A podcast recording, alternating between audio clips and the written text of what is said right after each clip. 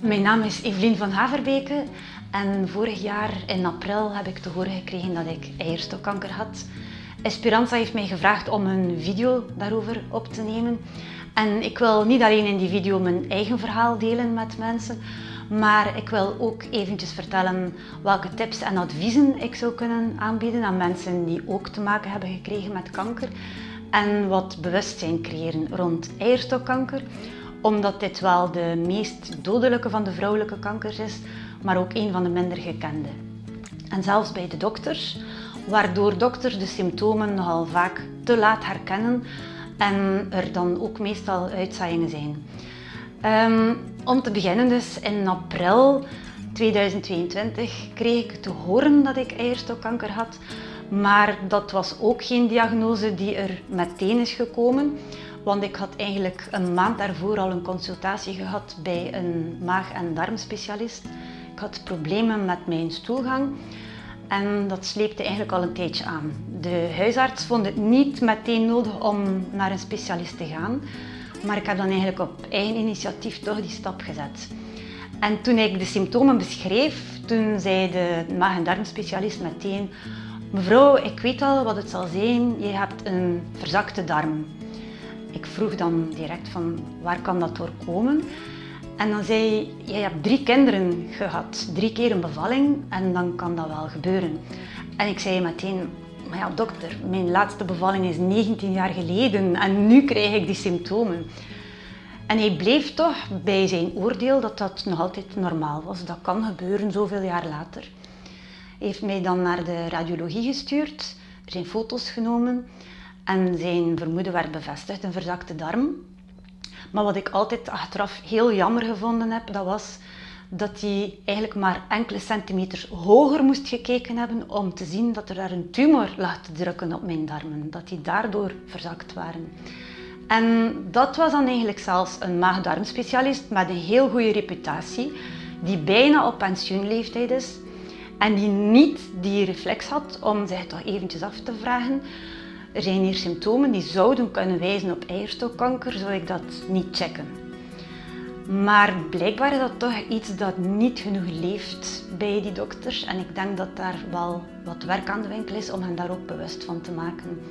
Want eierstokkanker is heel vaak een kanker die ontdekt wordt doordat er darmklachten zijn. Dikwijls ook problemen met de blaas. En hij wordt ook wel de silent lady killer genoemd, de stille vrouwendoder, omdat deze kanker meestal uitzaaiingen kent wanneer hij ontdekt wordt en daardoor dus ook heel gevaarlijk is. Nu is het zo, als ik die diagnose kreeg, dat ik niet anders reageerde in eerste instantie dan andere mensen, vermoed ik. Je wereld stort in, je hele leven staat stil. En op zo'n moment begin je alles in vraag te stellen. Je vraagt je af, om te beginnen al wat je verleden betreft, van heb ik eigenlijk wel daar zelf niet de hand in gehad voor een deel? Heb ik niet te veel stress gecreëerd door in die rat race ook mee te blijven draaien? En de juiste prioriteiten niet gesteld. Want wat is er nu echt belangrijk in het leven? Niet van altijd maar werken, werken en stress creëren, maar er zijn andere dingen die veel belangrijker zijn. En op het moment dat je zo'n diagnose krijgt, begin je dan eigenlijk wel alles in vraag te stellen. En zou je eigenlijk ook te veel beginnen piekeren over dat verleden, terwijl dat, dat eigenlijk geen zin meer heeft. En tegelijk ben je enorm bezig met de toekomst van wat zal er nu gebeuren. Je wordt opeens geconfronteerd met de eindigheid van je leven.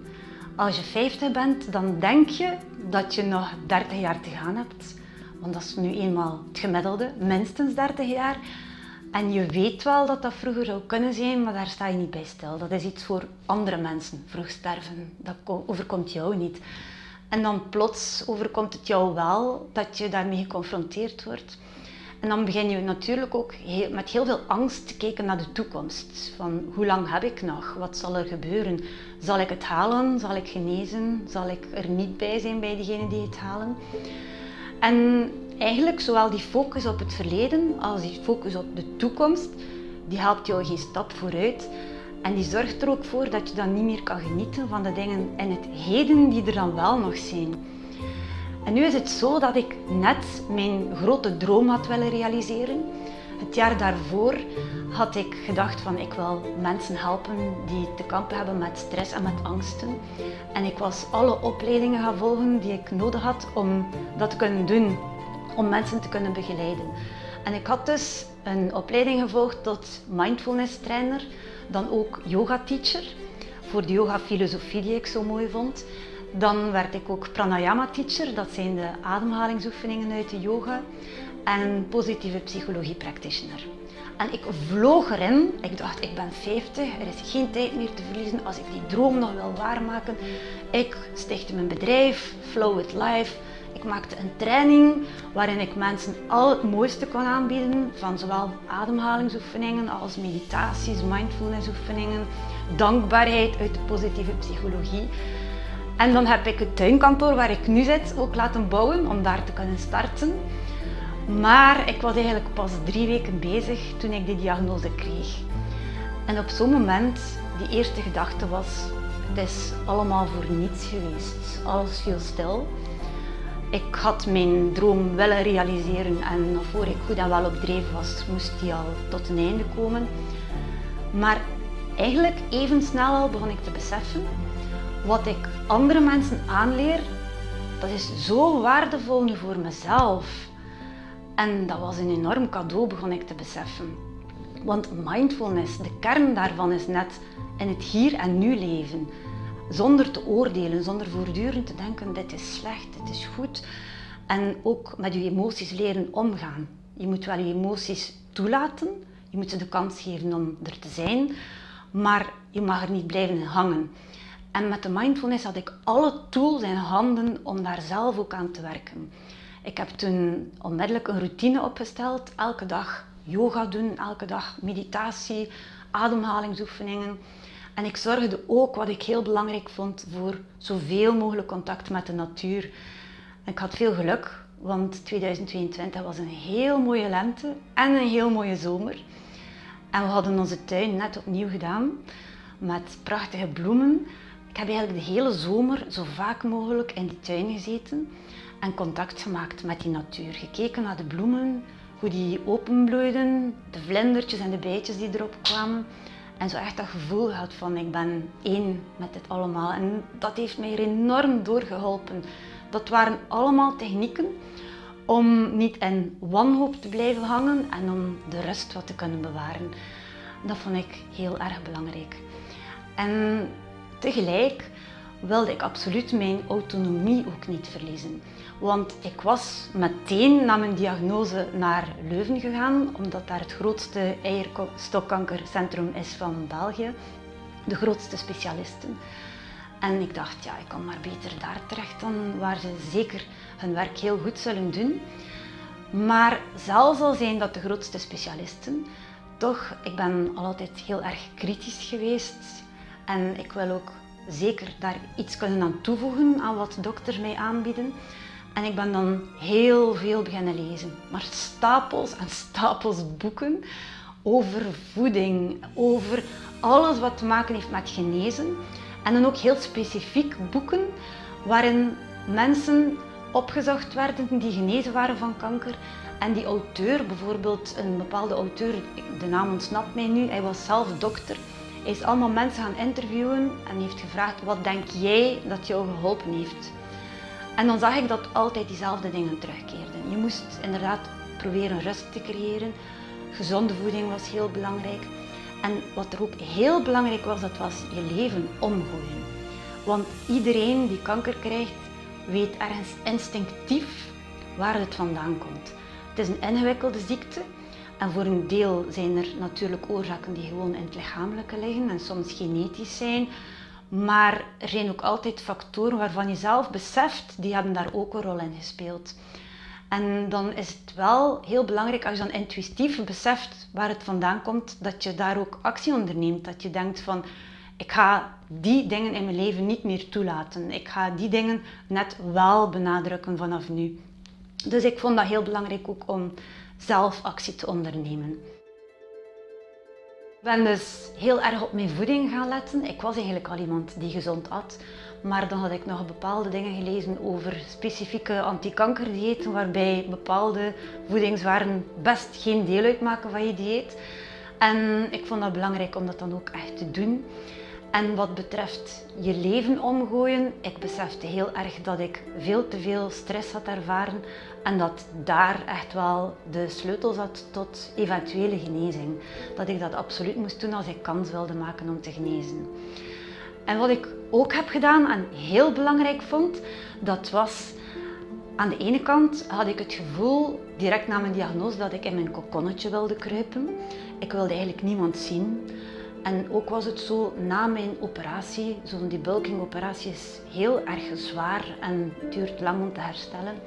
Ik had ook geen energie om mensen te ontmoeten en om dus ook bezoek te ontvangen. Dus ik kroop in mijn kokonnetje, maar ik had toch sterk de nood om uit te reiken aan mensen, om mensen te kunnen bereiken op de een of andere manier. En nu is het zo dat ik eigenlijk al drie romans geschreven heb in het verleden, heel graag schreef. Ik had ook columns geschreven en ik had mijn website en ik dacht, als ik nu begin te bloggen over mijn ziekte, dan ga ik mensen daarmee kunnen bereiken. En wat er toen gebeurd is, was eigenlijk ongelooflijk. Ik had mij dat nooit kunnen voorstellen. Ik heb mijn eerste blog over mijn ziekte geschreven twee weken na mijn diagnose. Ik kreeg daar massaal reactie op. Dat was ongelooflijk, want ik zette dat eerst op mijn website. Ik postte dat dan via sociale media, bijvoorbeeld via Facebook. En ik kreeg daar zoveel reactie op dat ik eigenlijk ben blijven bloggen. Niet alleen dat, maar dat ik overstelpt werd met zoveel vriendschap, zoveel liefde, zoveel bezorgdheid, zoveel bloemen, kaartjes. Het was niet te geloven. Ik heb eigenlijk drie maanden lang geen dag gehad dat mijn huis niet vol stond met bloemen. Zodra de ene bloemen verwelkt waren, kwam er een nieuw boeket toe. Soms waren er drie, vier boeketten op een dag. De bel ging en dan stonden ze voor de deur. Het hield niet op. Heel veel kaartjes ook.